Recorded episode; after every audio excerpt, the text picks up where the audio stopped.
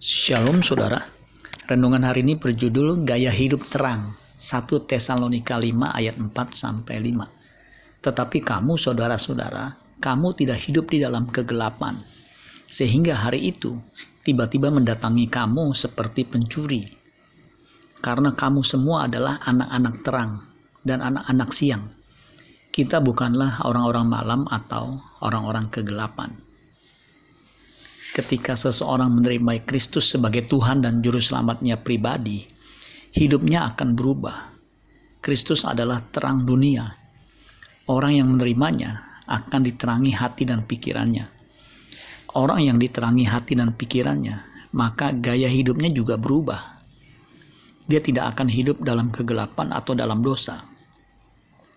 Hidupnya akan terlihat seperti surat yang terbuka dan memberkati orang lain Terang itu bisa dilihat, tapi tidak bisa ditimbang.